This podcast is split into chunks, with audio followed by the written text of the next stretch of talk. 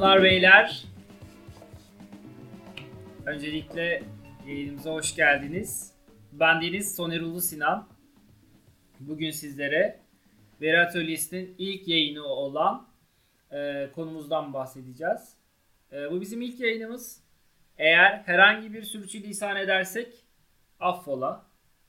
Ben Deniz Soner Ulu Sinan. Arkadaşlarım Dilek Güven ve Beçen Erkin'le bu akşam bugün e, birlikte size Gartner Magic Quadrants for Analytics and Business Intelligence Platforms'un 2019 raporundan bahsedeceğiz. Buyurun Beçen Bey. Ya Soner aslında bu yayın niye yapıyoruz? Önce ondan başlayalım istersen. Bu yayını raporu okumaya vakti olmayanlara, okusam iyi olurdu ama şimdi kim uğraşacak diyenlere. Bayağı 70-80 sayfa. Evet evet öyle özetleyeceğiz. Kendi tecrübelerimizi de anlatacağız. İlaveler yapacağız. Sohbet tadında bir yayın olacak. Evet çok ciddi bir şey beklemeyin. evet, çok ciddiyet zaten bizim işimiz değil. Buradan devam edebiliriz. Magic Quadrant'tan. Magic Quadrant nedir önce ondan bahsedelim biraz. Aha.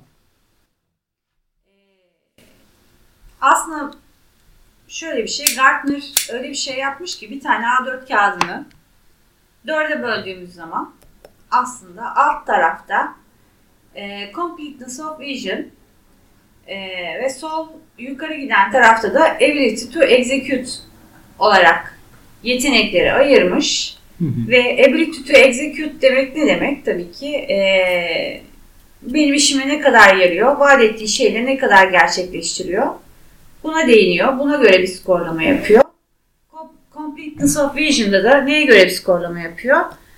Eee, gerçekten pazardaki ihtiyaçları ne kadar anlıyor, eee, ne kadar inovasyon yapıyor, geleceği ne kadar öngörüyor, buna bakarak eee, bir değerlendirme yapıyor. Bu A4 kağıdını dörde böldüğümüzde Dörde böldüğümüzde aslında şimdi dinleyenlerin de kafasında canlansın diye şöyle anlatalım. Sağ üst köşede leaders var. Leaders aslında sektöre hakim, konumunu korumaya çalışan, e, yenilikleri takip eden, öncü olan e, firmaları gösteriyor. hem ürünü vaat ettiği şeyi beceren Hem de hem de var yönetebilen, aksiyon alabilen vizyoner firmalardan inovasyon bahsediyor. yapabilen firmalardan bahsediyor. Sağ alt köşede dinleyenler canlandırsın kafalarında vizyonerler var. Bunlar genelde sektörün gidişi hakkında e, fikir sahibi olan, kavramışlar, e, ana fikri kavramışlar ve bu yönde ürün üreten firmalar yer alıyor. Ürünlerini geliştirmeye devam ediyor. Devam ediyor evet. Sol altta niche players'lar var.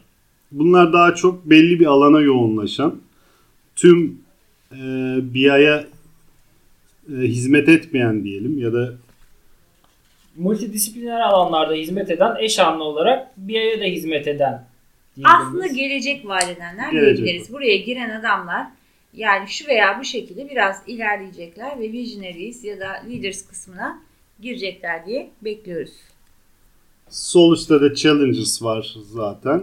E, Orada da e, aslında yönetme kabiliyeti çok iyi olan fakat e, günümüz teknolojisini yakalayıp gelecek teknolojiyi çok fazla adapte olamadığı Gartner'ın öngöremediği firmalar yer alıyor. En azından bu yıl için.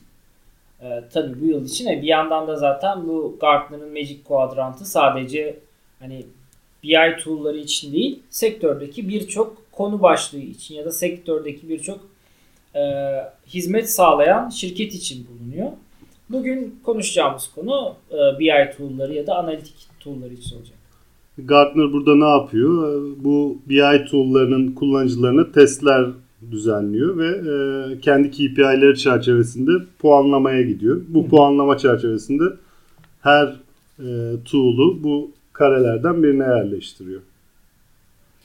Ee, zaten bu demek değil ki aslında herkes Leaders'da yer alan bir e, firmayı kullanacak demek değil tabii ki. Burada sadece özelliklerine yer veriyor, artılarına, eksilerine yer veriyor. Bu artılara, eksilere göre kafanıza uyan, şirketinize uyan, amaçlarınıza uyan firmayı siz kendiniz seçebilirsiniz. Yani bir öngörü sağlıyor aslında. Evet bir de şey de yanlış olur. Biz burada bahsettik ama sağ üsttekiler en iyileridir, sol alttakiler en kötüleridir demek e, yanlış. Aslında hangisi daha yaygın e, talebi karşılayabilir, hangisi daha az ve e, ihtiyacı karşılayan oyuncular olabilir sektörde. Bu şekilde değerlendirmek daha doğru olur. Bu raporda Gartner'ın kullandığı çeşitli şeyler var. E, KPI'ler var dedik zaten. Bunlardan bazıları işte altyapıya bakıyor. İşte e, güvenlik durumu nasıl, platformun güvenliği, denetimi, işte felaket senaryoları, cloud'da var mı, e, BI kaynaklara bağlanma yetisi gibi. İşte data management'a bakıyor. E, veri depolama seçenekleri neler, son kullanıcı için veri kombinasyonları. Ya İşte aslında büyük veri işleme kapasiteleri. böyle renkli renkli e, bar chartlardan ibaret değil buradaki Tabii bu tabii dünya. arkasında büyük bir dünya Ciddi var. değerlendirme Evet. var. Doğru. Peki o zaman e, Gartner'ın stratejik planlama öngörülerinden bahsedelim kısaca.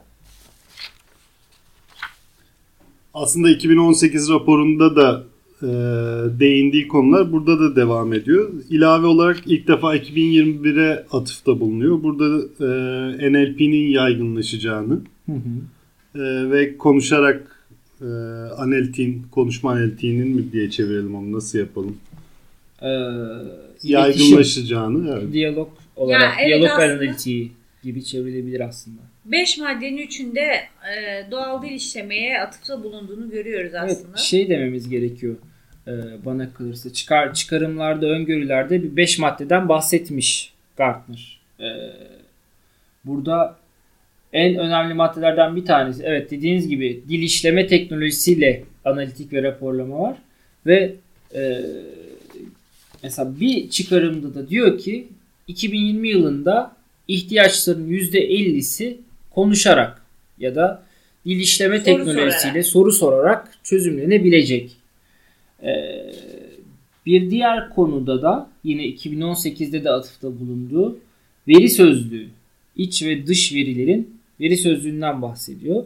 Ee, veriler büyüyor, artıyor. Yıllar geçtikçe işte milyon satırlar, milyar satırlar, milyon milyon satırlara e, milyon milyon milyon satırlara doğru ilerliyor. Bir şekilde buradaki konu başlıklarını, alanları, içeriği yönetmek gerekiyor. Ee, bunun yanı sıra dikkatimi çeken bir hususta şu oldu. Doğal dil işleme teknolojisiyle aslında e, yeni kullanıcı katmanları yaratılacağından bahsediyor. Evet çünkü e, normal koşullar altında e, tablolardan e, veri çekmeye üşenen ya da Excel dosyalarını incelemeye e, Zamanı olmayan. ya da o, o kapabilitede olamayan insanların aslında çok rahatlıkla soru sorup cevap alabilecekleri platformlar şu anda geliştirme aşamasında. Bunu biz de yani sektörün içerisinde Olanlar olarak olanlar olarak biliyoruz ve geliştiriyoruz şu anda. Dolayısıyla doğru bir öngörü olduğunu düşünüyorum. Peki. Bu raporun öngörülerinden biri de bu az önce belirttiğinize ilave sonuç olarak e, business kullanıcılarının sayısındaki artışın IT IT developerlarına göre daha fazla, daha yüksek bir yüzdede artacağını söylüyor. Amaç o zaten. IT dependency'yi azaltmak. Evet. Bir yandan da. Peki o zaman birazcık e, ürünleri inceleyelim. Ürünlerde nasıl hareketlenmeler olmuş, nasıl değişiklikler olmuş. Kuadrantlara bakalım. Yani. Kuadrantları anlatalım. Biz bakalım size anlatmaya çalışalım naçizane. Ee, Niche player'lar içinde bir Looker var. E, ondan önce pazara bu sene geçen seneye nazaran yeni giren bir oyuncu var mı? Ee, var mı bakalım. Bu Data diye bir firma e, yeni girmiş Hı hı. e, Kuadrant'a. Ben şu anda Türkiye'de çok fazla tanımıyorum bu firmayı. Hı hı. E, tanıyanlar varsa, deneyenler varsa tabii ki altına yorum olarak bırakabilirler. Kuadrant'taki bütün firmaları aslında e, inceleyebiliriz. Fakat biraz da Türkiye gözüyle bakalım. Türkiye'de hangi firmalar ön planda, hangileri kullanılıyor? Bakacak olursak e, çok paralel bir şekilde giden Tableau, e, Microsoft ve Clean gerçekten de Türkiye'de de aslında ben lider olduğunu düşünüyorum. E, bunun yanında diğer ürünleriyle sektörde yüksek e, bir şekilde kullanılan bir takım firmalarında analitik ürünleri gene kuadrantta yer almış. Örneğin Oracle'ın ürünü, örneğin IBM'in ürünü, örneğin SAP'nin ürünü. SAS var, Salesforce var. Yani bunlar aslında öncelikli olarak ERP, üretim gibi kavramları e, şirketlere sağlayan firmalar. Doğru. E, niş players'dan o zaman başlayalım Hafız. Niche Players'ta dikkat çeken, e, diğer tool'lardan bahsederken de adı geçen Looker firması var. E, 2018 yılında 103 milyon dolarlık ilave yatırım aldı Looker. Wow. E, aslında sektördeki e, lider oyuncular gibi uçtan uça çözüm sunmayı vaat ediyor. E, Look ML isminde bir kendi kodlama dili var. E, ama bu kodlama dili aynı zamanda tool'un dezavantajı durumuna da geliyor. Çünkü kodlamaya bağlı kalması sorun yaratıyor. E, dezavantajlar kısmında bundan bahsediliyor. Ve niche player'ların içinde e, yüksek bir oranda büyük datayla yani 1 terabayttan büyük bir datayla çalışıyor. E, bu ankette katılanların e, yüzde 36'sı diyelim. Aslında kurumsal firmalar ya da e, büyük veriler üreten, büyük veri kavramından bağımsız büyük veriler üreten, büyük hacimli veriler üreten firmalar diyebiliriz. Evet aslında bu e, kısımda şey yapabiliriz belki gerçekten e, Gartner nelere bakıyor hmm. aslında bu değerlendirmeleri yaparken e, Ability to Execute'da nelere bakıyor, Completeness of Vision'da nelere bakıyor diye bakabiliriz. Eee Biraz önce hani biraz hızlıca geçtik üzerinden. Beçan sen geçmiştin yanılmıyorsam. O kısımlarda baya bir e, şey yaptık. E, yönetim kabiliyetleri, ability to execute açısından gerçekten ürün hizmetlerini ne kadar iyi sunuyor, ne kadar iyi destekliyor onlara bakıyor.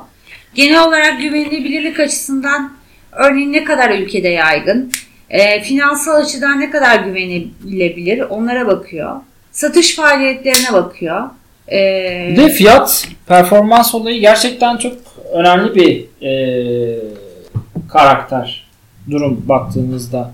Yani ucuz bir hizmeti çok büyük paralar vermeden satın alıyor olabilmek zaten Microsoft'u ileri taşıyan en büyük e, olaylardan bir tanesi.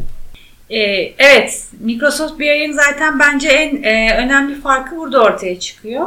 Normalde bu analitik ve görsel analitik diyeyim artık hı hı. daha çok iş zekası ve görsel analitik platformları daha çok kurumsal şirketlerin tek elindeyken ve onlar daha çok yatırım yapabilirken Microsoft BI gerek fiyatı olarak gerekse e, cloud üzerinde hizmet vermesi olarak aslında bu kobileri de taşıdı. Bence onu en ön plana çıkaran özelliklerden bir tanesi şey, bu. Şey çok ilgimi çekmişti. İlk e, BI, Microsoft BI çıktığında ayda bir, ayda iki update geliyordu. Yani bir BI tool'u için, bir analitik tool'u için ayda iki update gelmesi çok büyük bir başarı olarak öngörüyorum ben. Çok büyük bir başarı olarak düşünüyorum. Sürekli kendilerini güncelleyip aslında burada birazcık da ability to execute olarak e, yorumlayabiliriz. Ya cloud olunca iş kolay ama sürekli uygulamayı yeniden yüklemen gerekiyorsa, kendi serverlarında yeniden yapmak gerekiyorsa bu biraz sıkıntı yaratabilir aslında. Ya aslında kimisi için avantajken kimisi için de dezavantaj olabilir diyorsunuz. Olabilir. Ee, tamam. Evet, vizyonun bütünleyiciliği özelliklerine bakarsak eğer e, Gartner'ın dikkat ettiği özellikler neler? Özellikle pazarı iyi anlamasına çok dikkat ediyor. Hı hı. Kullanıcı ne istiyor? Kullanıcı e, neye ihtiyaç duyuyor? Belki kendisi tam olarak ifade edemiyor ama nelere ihtiyaç duyuyor? Hı hı. E, bunları güzel anlayabilmesi, iyi bir pazarlama stratejisinin olması, hı hı. inovasyon yeteneği, gerçekten gelecekte neler olabilecek, nelere ihtiyaç duyulacak öngörmesi ve bunları e, ürünlerine uygulamaya başlaması Gartner için önemli kriterlerden bazıları. Peki aslında Vision ve Execute'da bu alanlardan bahsediyor. Kısaca o zaman bahsettik ama bu firmalar neden bu kuadranttalar? Birazcık da e, Microsoft'tan bahsettik. Click'ten bahsedelim ya da diğer tool'lardan bahsedelim. Clean bence şöyle bir handikapı var. İki ürünü var Clean. ClickView ve ClickSense. Ee, Clean hala portföyünün büyük bir kısmı ClickView'da. Ee, ama bununla beraber lisans gelirlerinin %60'dan %70'e yakında e, ClickSense'den sağlıyor. Yeni satışları daha doğrusu. Viva çok fazla yatırım yapmıyor diyebilir miyiz? Viva yatırım yapmıyor. Ee, yeni satışlarını da artık Sense'den yapıyor zaten. Ee, burada aslında Tableau ve Microsoft'un altında kalmasının sebebi belki de bu. Ee, ayrıca bu iki firmanın altında kaldı Click. Bir de ensesinde Looker ve Domo'nun da e, nefesini hissediyor bir yandan. Ee, burada bunu çözüm üretmek için Clean yaptığı bir, bazı şeyler var mesela. 2018 yılında Podium Data'yı satın aldı. 2019 yılında yine e, Crunch Data'yı satın aldı. Crunch. Data. Chatbot. Chatbot çözümü üretmek için. Bunu özellikle e, Türkiye'de de aslında ciddi olarak pazarlamaya çalışıyorlar. Çünkü aslında bu Gartner'ın vizyonuyla da paralel olarak e, NLP anlamında bir gelişim sağlamak istiyorlar. E, şirketler ya aslında NLP çok revaçta bir konu. Bütün herkes NLP ile ilgili Natural çalışmalar Language. Processing. Natural Language Pro- Processing. Evet, doğal dil işlemi. Ben İngiliz aksanıyla konuştuğum için. E, fakat bunu Click kendi ürünün içerisinde e, bir servis olarak sunmak üzere satın aldı Crunchbot'u. Crunchbot değil mi ya? Evet, evet. ne kadar almıştı? Aa, Bayağı iyi para yani. Sanki söylemediler. 30, 100 milyon bir şey. O başka bir şey miydi? o kadar Neyse değil. orasını karıştırmayalım şimdi. Peki.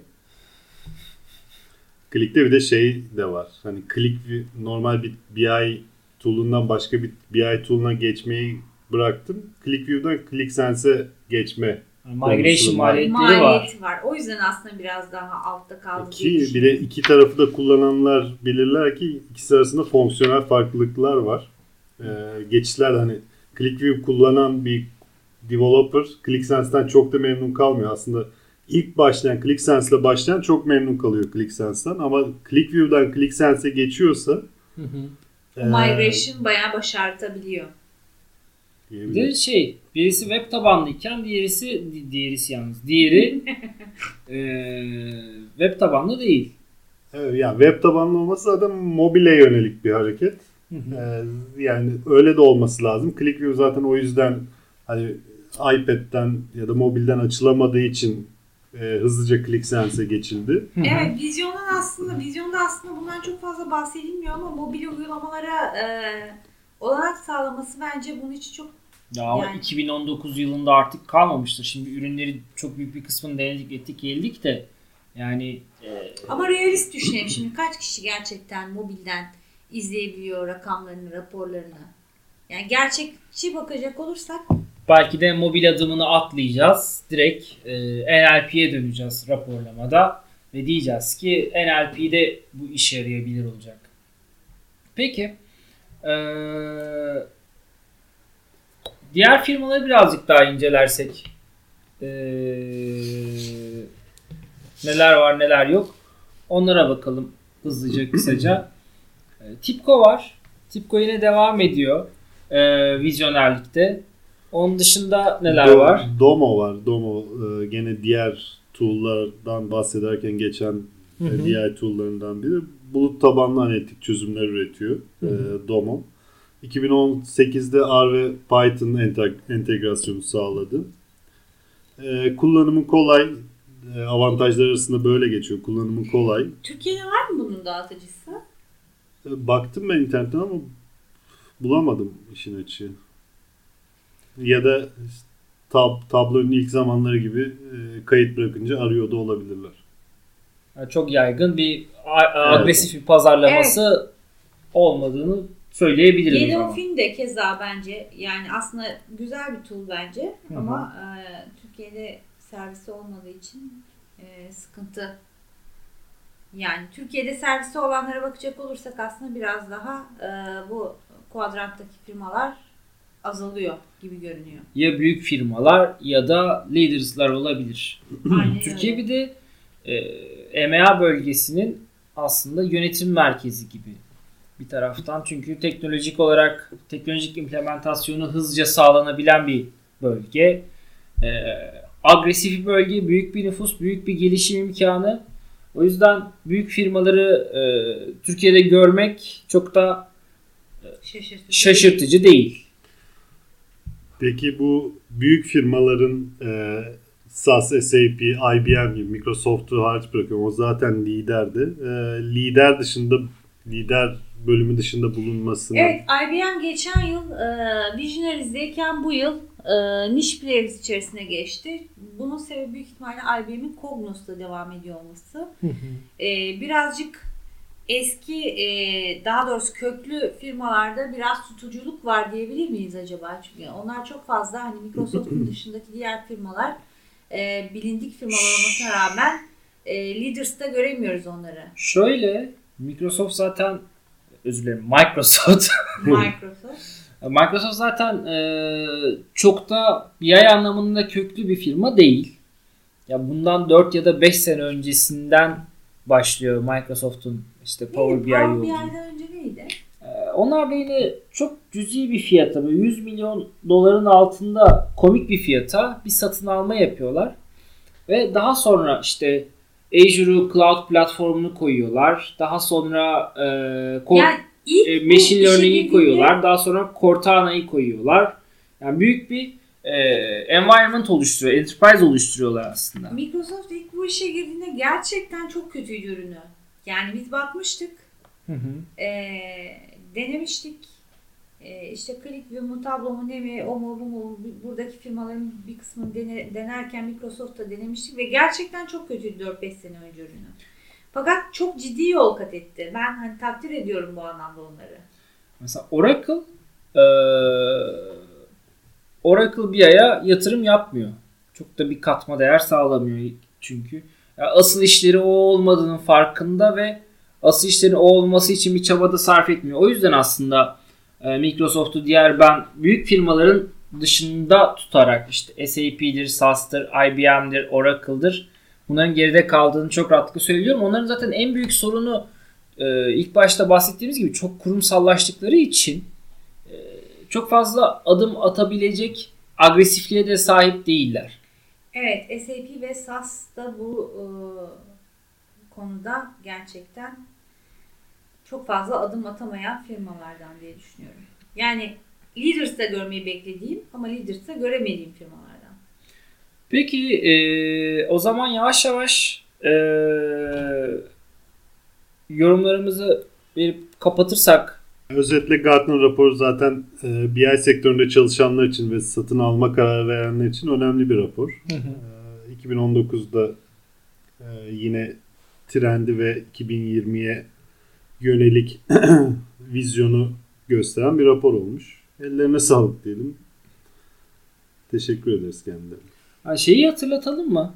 E, rapordaki sağ en üst Leaders kutucuğunda yer alanlar en iyi uygulamalar değildir ya da sol altta e, vizyonu ve yönetimi düşük olanlar en kötü uygulamalar değildir. Evet ama Türkiye için bakacak olursak gerçekten Türkiye'de hizmet veriyor olması önemli. Size güvenilir bir hizmet sağlıyor olması önemli. Bunları zaten aslında biliyoruz neler var. Satış, Türkiye'de. pazarlama Satış teknikleri. pazarlama e, teknikleri yani zaten siz satın alana kadar destek önemli. Ne kadar size destek verebildikleri önemli. İhtiyaç da orada çok önemli. Yani Türkiye'deki bir kişinin ihtiyacıyla Anglo-Sakson ülkesindeki bir kişinin ihtiyacı aynı olmayabilir. Olmayabilir. E, aynı zamanda o ülkede hizmet veren bir e, firma burada vermiyor olabilir. Orada gerçekten yüksek e, skor sağlayan bir firma burada aynı seviyede olmayabilir. Peki o zaman e, yavaş yavaş programımızı kapatalım. E, bunun dışında benim söyleyeceklerim bu kadar. Gartner'ın gerçekten ellerine sağlık diyorum. E, bu güzel günde ilk bölümümüzde bizimle için teşekkür ederiz. Herhangi bir sürçülisan ettiysek de affola. Hepinize iyi günler. İlerleyen bölümlerde görüşmek dileğiyle. Hoşçakalın.